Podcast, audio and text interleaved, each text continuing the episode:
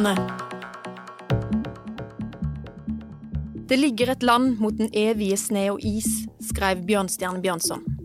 Men noe er nå i ferd med å skje. De norske breene trekker seg tilbake og blir mindre. Isen som smelter bort, forteller historier om ei global klimakrise, ei vær i endring. Men òg historier om hvordan mennesker som har gått før oss, har levd sine liv. I dagens episode av podkasten Kraftlandet skal vi inn under isen. Med oss i studio har vi to glasiologer og én arkeolog. Velkommen til Liss Andreassen, Espen Finstad og Jon Ove Hagen. Mitt navn er Guro Kvalnes, og dette er Brefolket. Og når vi sitter rundt dette bordet sammen med dere som er brefolket, så må en jo først spørre hva er egentlig en bre? En bre er per definisjon en snø- og ismasse i bevegelse. Og det er et viktig poeng at den faktisk er i bevegelse. Vi kommer sikkert til å snakke om isfonner som ligger i ro, men vi skiller mellom det og isbreer som beveger seg og glir over underlaget, og eroderer på underlaget og former underlaget. Så det er det viktigste. At en is og, en is og snømasse i bevegelse. Og det har jo beveget dere mye på bre. Det har hatt bre som, eh, som, arbeidsplass, alle rundt dette bordet. Og hva er det som er så fascinerende med breen? En bre varierer jo, den endrer seg fra år til år og gjennom sesongen. Så det er store variasjoner, så du vet aldri hva du venter. Ett år er det mye snø, ett år er det lite snø. Det er sprekker, det er eh, dreneringsbrønner, noe nytt som dykker opp fra isen. Så det er mye spennende, og de er også veldig vakre å se på, syns, eh, nå jeg i hvert fall. Og du Espen, du har kanskje et litt annet blikk på breen, for du er jo arkeolog. Og hva er det med breen som eh, er forlokkende for din del? Ja, jeg liker jo også de klassiske breene, men uh, som arkeolog da, så er det jo særlig disse isfondene som jeg uh, syns er veldig fascinerende. da. De som ligger i ro. Uh, der kan jo isen bli virkelig gammel. Uh, og der finner vi spor fra mennesker som har brukt fjellet, brukt fondene, eh, gjennom mange tusen år. Og når det nå smelter, så kommer de gjenstandene fram igjen. Og det er de vi leter etter og prøver å forstå menneskets bruk av høyfjellet gjennom lang tid. Og det skal vi selvsagt eh, se litt nærere på, disse gjenstandene som dukker opp under, under, isen. Men først så har jeg lyst til å spørre litt om, om tilværelsen som glasiolog. Og Liss, hva er egentlig en glasiolog? Det er en breforsker. Glasiologi er jo læren, læren om is og breer. Og um, en glasiolog er ute og måler på, på breene.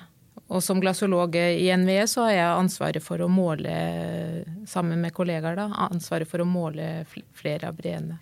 Og hvordan ser en vanlig arbeidsdag ut på, på breen?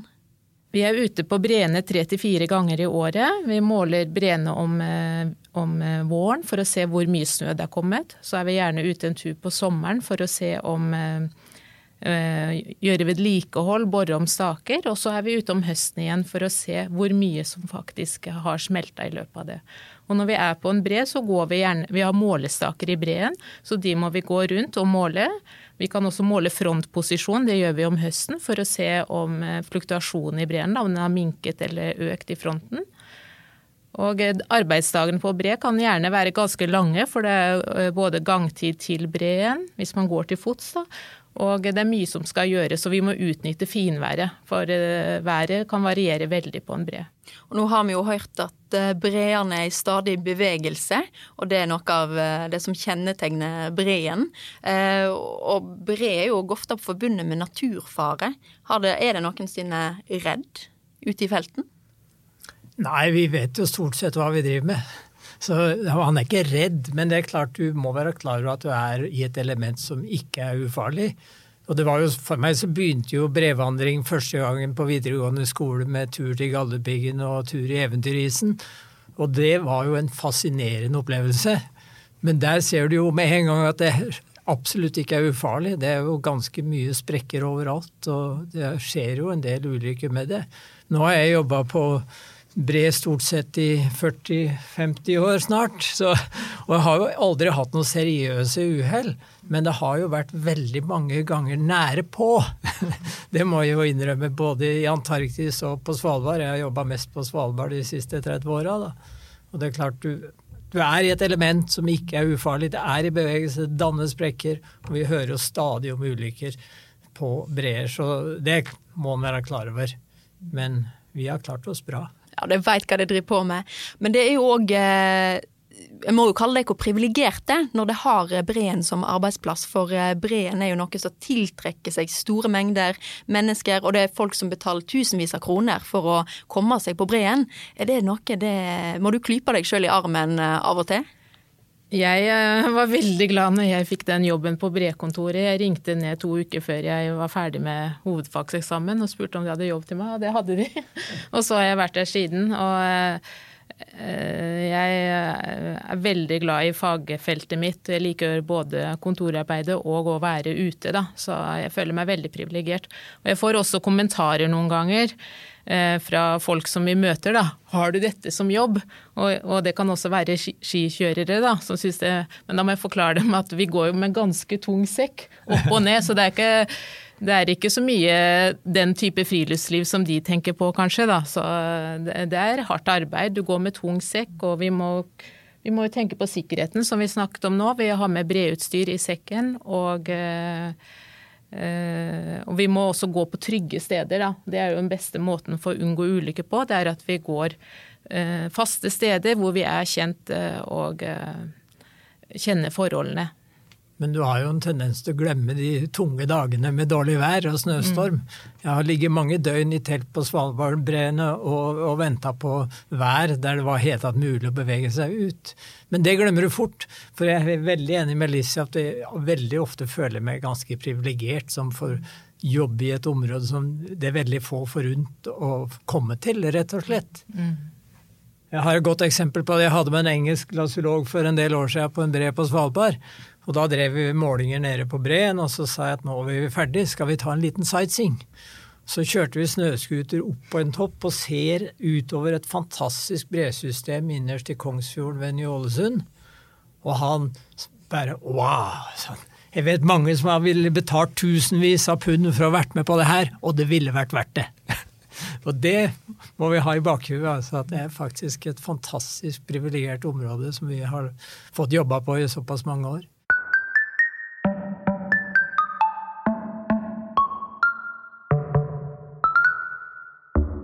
Når eh, NVE begynte med sine bremålinger på 60-tallet, så var det jo eh, med siktemål om å undersøke mulighetene for, eh, for utbygging av vasskraft i tilknytning til bre.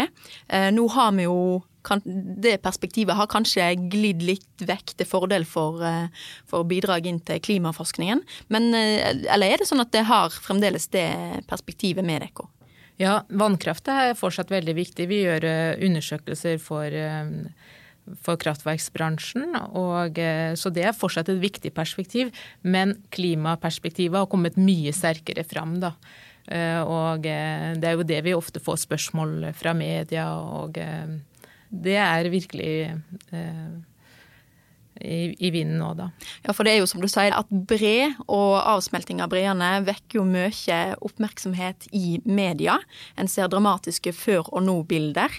Og eh, det blir jo gjerne sagt at eh, breene er sensitive klimaindikatorer. Hva betyr det? Det betyr at de eh, er sensitive for endring i klima. F.eks. bare én grads økning eller minking i temperaturen kan gi store utslag på, på størrelsen og utbredelsen av en bre. Så endringen av breene viser at klimaet endrer seg, enten det er menneskeskapte eller naturlige. Og, eh, og, det kan også være en øyeåpner for folk. da. Altså veldig visuelt å se at breene endrer seg. Så Derfor brukes de mye. Og, og de reagerer raskt. da. De norske breene, som ikke er så store i størrelse sammenlignet med de store iskappene Grønland og Antarktis, de endrer seg jo raskere, og det blir veldig synlig. Ja, Det er jo typisk at breene brukes, du ser bilder før og etter, fordi at eh, det er noe av det mest synlige bevis i naturen på at det skjer klimaendringer. Men breene gir jo ikke nødvendigvis noe entydig svar på en klimaendring, fordi at de reagerer både på snø med vinternebber og sommertemperaturen. Det styres, I det lange løp så styres av temperaturen. Men likevel, vi har jo sett på norske breer at noen enkelte år har de en vekst fordi at vi har et overskudd av snø. Den vinteren vi nettopp har hatt, f.eks., med en litt kald sommer, så kan du få en vekst på breen på en kort periode. Derfor er det så viktig at vi har lange måleserier. Nettopp som du nevnte at eh, NVE begynte måling på breene på 60-tallet. Og de lange måleseriene som har gått kontinuerlig siden da, er nå gull verdt i klimasammenheng. For det er først når du har lange måleserier at du kan begynne å tolke noe ut av dataene. Og det kan du ikke om du måler på breen i ett eller to eller tre år. Det ser vi jo veldig mange eksempler på. Det har veldig liten verdi for klimastudier. Da må du ha lange måleserier. Men hvis vi skal tenke i et sånt kortsiktig perspektiv, hva konsekvenser har eh, avsmeltingene sett eh, på de norske breene hva konsekvenser har de? For de norske så er det jo kraftindustrien primært som er interessert. De vil vite hvor mye vann får vi. Hvor mye ekstra vann får vi en varm sommer? Eller hvor mye mindre vann får vi til magasina et år med lite avsmelting? Det er det de er interessert i. Ganske enkelt vannbalansen. Mengden vann. Men globalt er det jo noe helt annet bilde. Der er det jo de globale havnivåendringer. Og det er også den globale vannbalansen. Altså blir det varmere, så renner mer vann fra breene på land ut i havet, og havet stiger. Så enkelt er det. Og nettopp havnivåstigning blir jo ofte trukket fram. Og hva konsekvenser har det hvis de norske breene smelter vekk? Hva vil det ha å si for, eh, for havnivåstigning Veldig i verden? Veldig lite. Ærlig talt, jeg tror havet gir nesten litt blaffen i om det er bredere i Norge eller ikke. Hvis alle breer de norske breene smelta, så ville havet stige 0,4 millimeter ca. Stemmer ikke det, Liss? Jeg tror det er omtrent der. 0,4 millimeter. Hvis alle breene på Svalbard smelter, så vil havet stige mellom 15 og 20 millimeter. Fortsatt ganske små tall, men det er veldig gode indikatorer. Og lokalt har det jo veldig stor betydning, selvfølgelig. Du har jo sommerskisentre som, eh, som, brukes, og de vil jo bli påvirket av klimaendringer. Og turistindustrien generelt. Og så er det jo et vakkert naturelement da, som mange setter pris på. Det er jo ganske mye kjedeligere landskap når det blå-hvite breen eller fonna er borte, og det er en grå steinmasse igjen. Så det kan jo være realiteten da, om 50-100 år, at vi ser mye mindre av de breene. Eh, Jon Ove, du har tidligere omtalt Norge som et klimarobust land. Og hva, hva, legger du i det? Ja, Da tenkte jeg kanskje på nettopp på havnivåendringer. Da, fordi at vi er såpass bratte kystlinjer. Vi har ikke store, flate landområder som f.eks. i Bangladesh. Der mange millioner mennesker bor innenfor et havnivå innenfor 0 til 1 meter over dagens havnivå. Da vil jo en halvmeter havnivåstigning, som er prognosene for de neste 50 åra, ha enorm betydning. Men det har mye mindre betydning i Norge fordi at vi har en helt annen topografi. Pluss at vi faktisk vil oppleve litt mindre havnivåstigning mange steder i Norge enn den globale middelverdi, men det er mer en detalj. Så enn så lenge så kan vi gå litt sånn tørrskodd rundt omkring i fjellheimen? I fjellheimen definitivt, men også i Oslo-området. Vi hadde jo litt fokus på det når operaen ble bygd, f.eks. Da ble det en del oppslag om at det ikke er tatt hensyn til framtidig havnivåstigning. Men da glemmer man jo at i Oslo-området har vi fortsatt landheving etter siste istid, så det kompenserer omtrent for havnivåstigningen. På lengre sikt så vil vi nok få en netto havnivåstigning i Oslo-området også, men enn så lenge så er omtrent landhevingen den samme som havnivåstigningen i Oslo-området. Så operaen står relativt trygt noen år enda. Ja, Men det er godt. Eh, en annen konsekvens av eh, avsmeltinga av de norske breene, som en kanskje ikke tenker på, er jo at eh, det plutselig dukker opp noen gjenstander. Og det er jo den yrkesgruppa som du representerer, Espen, det er jo opptatt av det som breen avdekker. Hva, hva finner det? Ja, som arkeolog så jobber vi jo med å prøve å forstå forhistorien ut ifra de sporene vi finner fra mennesker. Og mm, Vi ser at eh, folk i veldig langt tilbake, mange tusen år, har brukt høyfjellet. Og ikke minst breene og fonnene. Eh, særlig til jakt og fangst på villrein. Og hvor fonnene, snøen i høyfjellet, har vært en eh, Altså Den er en magnet på særlig reinen da, om sommeren. På varme sommerdager så er reinen sterkt prega av varme, og ikke minst insekter. Reinsbrems. Og trekker ut på isen. Sikkert mange som har sett rein på, i snøen høyt til fjells om sommeren. Og det har jo så klart folk i mm, steinalder, bronsealder, jernalder visst at der er det gode, god, god jakt når det er varmt om sommeren. Og ligge rundt fonnene og isen med pil og bue og skutt. Og en og annen pil har bomma. En har mista en sko. Uh, ulikt fangstutstyr har blitt borte. Eh, og i disse fondene som ligger i ro, så, så ligger de som i en fryseboks, disse gjenstandene, inntil de nå smelter fram igjen. Og da er vi der og prøver å finne dem, gjenstandene. Og det, ja, Gjenstandene ligger som i en fryseboks, men hva skjer med gjenstandene når de på en måte blir tatt ut av fryseboksen, når isen trekker seg tilbake? Nei, da starter jo nedbrytningen, da. Altså Da blir det jo gradvis ødelagt. Eh, erosjon, vann, eh, de råtner. Eh, blåser bort, kanskje, og forsvinner. Så mm, Det høres ut som det hadde veldig travelt, plutselig? Ja, vi, vi har det. Altså, selv har på, vi har holdt på med dette her siden eh, ja, ca. 2006. Eh, så vi har nok et lite tidsvindu nå, noen tiår, hvor det, altså det kommer veldig mye ut av fondet som vi må sikre. Så mm, vi prøver å være der hver høst når isen er liten alle disse gjenstandene som dukker opp fra, fra isen, hva forteller det om hvordan mennesker, eh, hvordan mennesker brukte breene? Det forteller jo at de eh, var veldig oppmerksom på at det var gode fangstplasser. De var nok ekstremt godt eh, så klart kjent, og dette var eh, et, et bruksområde som de, som de, hadde brukt gjennom generasjoner. Ehm, her lå det mange jegere sammen, som samarbeida, lå rundt isen. Venta på dyrene kom, eh, skøyt når de kom og, hadde full kontroll på alt som skjedde. Og så ser vi også at i perioder hvor det har vært ehm, begynt å bli jordbruk i bygdene, det, og, og, i kall det kuldeperioder, altså i, hvor det var relativt kaldt, kanskje jordbruket slo feil, så ser vi at funnene i fjellet går opp. Altså Man hadde en slags klimatilpasning, hvor man da i større grad stolte på jakten i fjellet eh, framfor jordbruk i bygdene.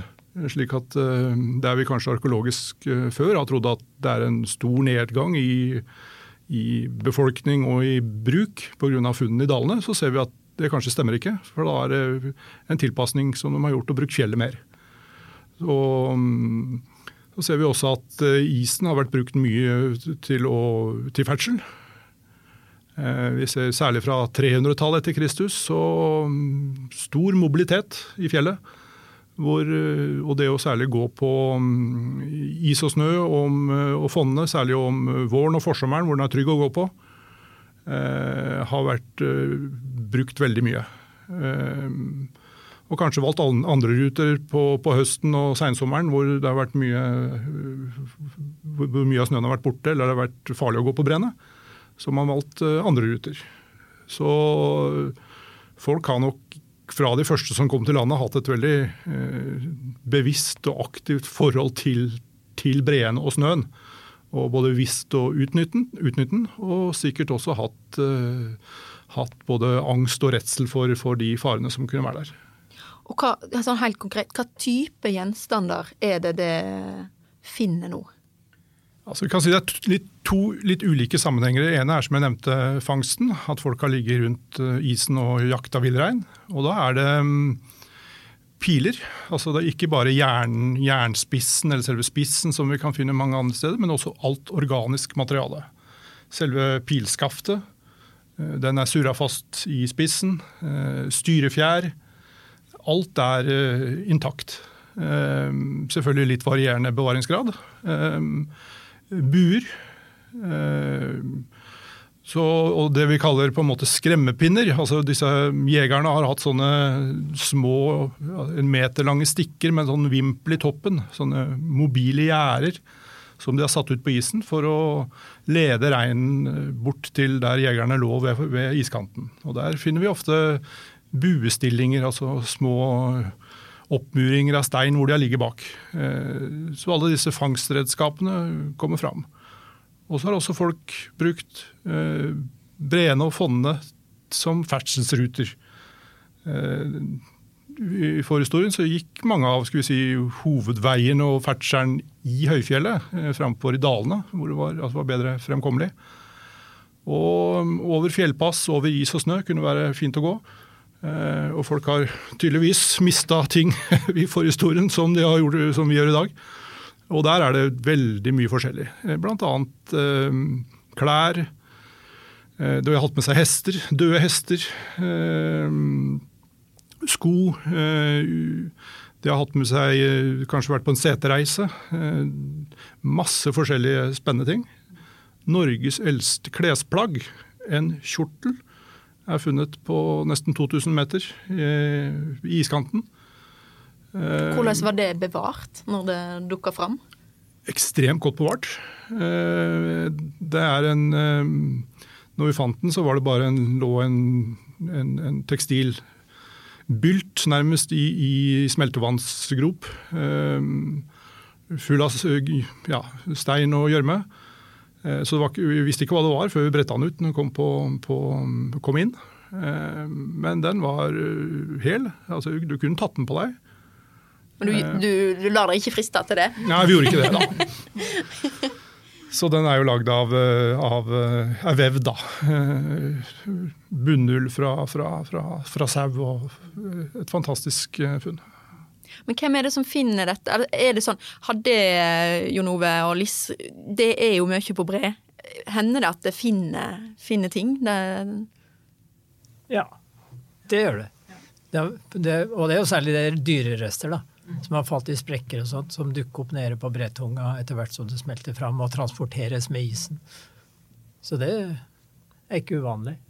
Vi fant det en gang på Storbreen, en, en, pisk. da. Så lurte vi på kan dette være noe til arkeologene. og uh, Fikk levert det inn, men det var nok fra 50-tallet og ikke så gammelt. da. Men uh, vi finner ting, ja. Døde, døde dyr og uh, litt gamle rester fra stakemålingene, rett og slett. Så ikke så gamle ting, da. Men det dukker jo opp masse. Men den breen er jo i bevegelse, så den knuser og ødelegger ting. Så det er det som er spesielt med fondene, at da blir ting veldig godt bevart. Nå får jo eh, breene mye medieoppmerksomhet, og publikum eh, lar seg på en måte forskrekke av disse dramatiske før- og nå-bildene. Hva sier det om en måte, den symbolske betydninga av de norske breene? Det gjør inntrykk, fordi det er mange som eh, snakker med meg om det. Og jeg merker jo en økt oppmerksomhet, at frisøren kan spørre er du veldig bekymret. Det, jeg, det spørsmålet fikk jeg ikke for 20 år siden. da. Så det er en eh, mer oppmerksomhet rundt det eh, i, i folket. At folk vet det. At breene minker, og de spør mer om det. Både media og publikum.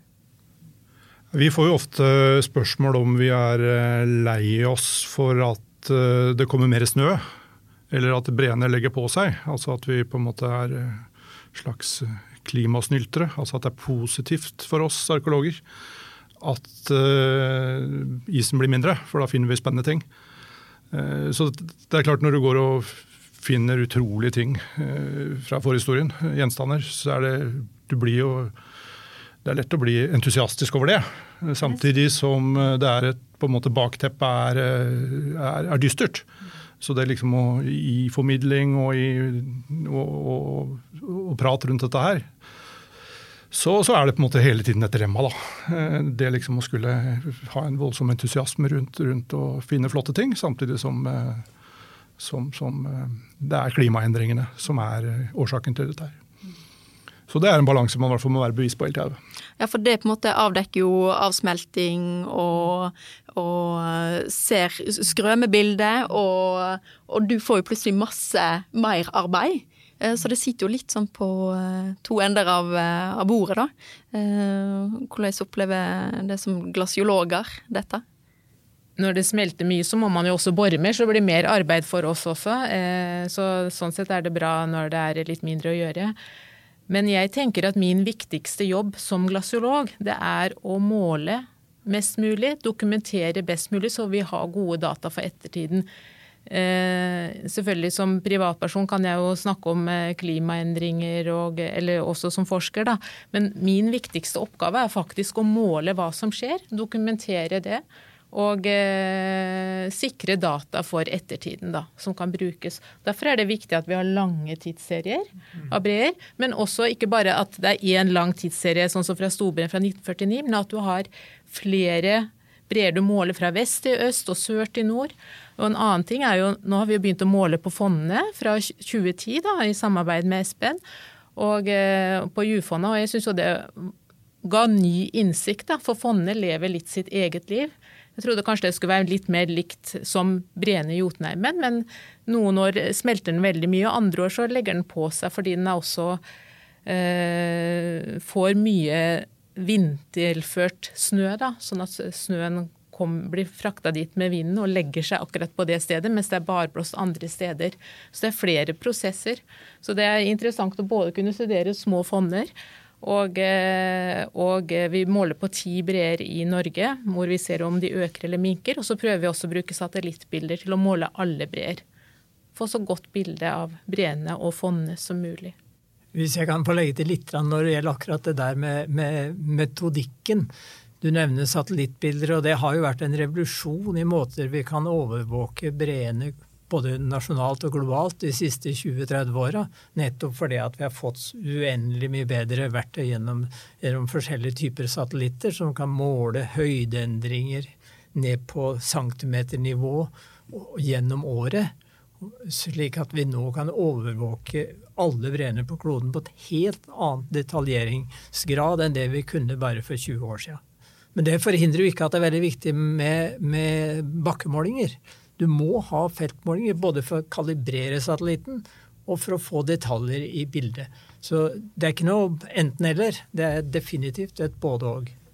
Det bidrar jo som forskere inn til et internasjonalt forskningsmiljø, og klimakrisen er jo global. eh, Eh, heller enn lokal. Eh, men eh, hva er det som er spesielt med, eller karakteristisk ved de norske breene, sett opp mot på en måte breer nede ved kontinentet? Ja, Det er vel strengt tatt ikke noe stor forskjell. På breene i Skandinavia og breene i Alpene er samme type breer. Det, med det vi kaller for tempererte breer. Altså de er i i soner der temperaturen i breen stort sett er null grader, i kontrast mot Svalbard og, og Antarktis, der temperaturen er langt under null grader i, i hele iskroppen. Så det har litt forskjeller pga. det. da. Men breene i Skandinavia, i Alpene, Himalaya, Patagonia og de områdene, Alaska, er alle noenlunde samme type breer, som reagerer veldig raskt på temperaturendringer, særlig da. Så har vi jo breene, Noe som er spesielt med breene i Norge, da, er jo at de hadde denne økningen på 1990-tallet som følge av mange år med, flere år med ekstra vinternedbør. Og eh, det, det, så vi også på New Zealand, hvor de har, eh, fikk også mye vinternedbør. Mens breene i Alpene krympet mye i den perioden. Og det viser jo at det er ikke bare den globale temperaturendringen, men også fordelingen av nedbør. Da.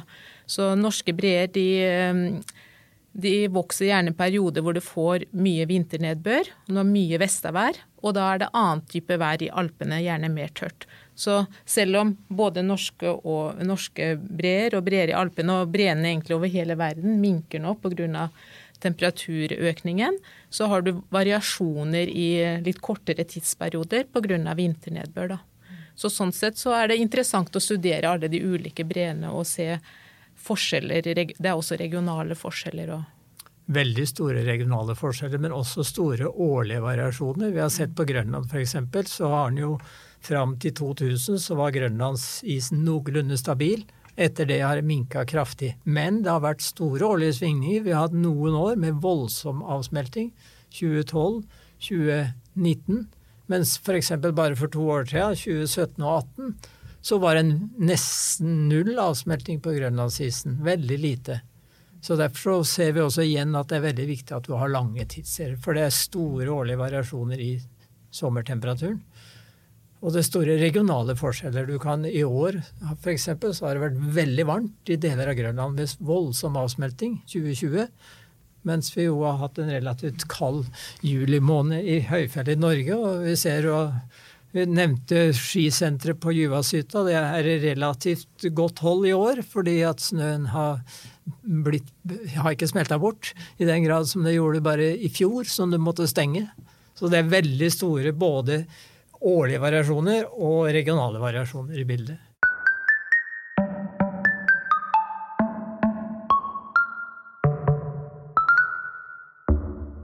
Hvis vi sammen skal kikke inn i uh, krystallkula og spå noe, uh, hvordan ser uh, de norske breene ut om 50 år? Det er nok mye av isen borte. Det vil fortsatt være en god del is igjen. For den største tykkelsen som er målt på norske breer, er over 600 meter, så det vil jo ta en stund før det smelter. Men brearmene vil være kortere. Så du vil se mindre av det når du går rundt i dalene. Så det vil være største forskjellen. Så vil det ligge igjen ting på toppene. Så er det veldig spennende da, om jufondet overlever. Den er så gammel. Ja, en av de fondene som jeg har mye funn, og som også Lise jobber på, det er jo Juvfonna, som ligger oppe ved, ved Juvashytta opp mot Galdhøpiggen. Og Der har vi jo lagd en uh, hogdås 50 meter inn i isen, i en istunnel. Og Der er isen i bånn av den fonna datert til å være 7700 år gammel. Og Det er vel den eldste daterte isen på fastlands-Norge. 7700 år gammel. Uh, og når vi begynte der i jobbe i ja, rundt 2006-2007 kanskje, så var dybden på den fonna tror jeg var rundt uh, dypest 22 meter. Uh, nå er det kanskje 12 meter i, i, dybde. Så den har jo mista halvparten av høyden sin på under 20 år. og der i bånn ligger da den eldste isen i Norge. Så det er ikke langt ned dit. Men det kan jo hende han er robust i forhold til å få mye snø på seg om vinteren. og sånn, men, men, det sier noe om hastigheten som har skjedd på smeltinga disse årene. Det var det vi rakk her i dag. Vi sier tusen takk til Liss Andreassen, Jon Ove Hagen og Espen Finstad. Mitt navn er Guro Kvalnes, og du har nett hørt en episode av Kraftlandet.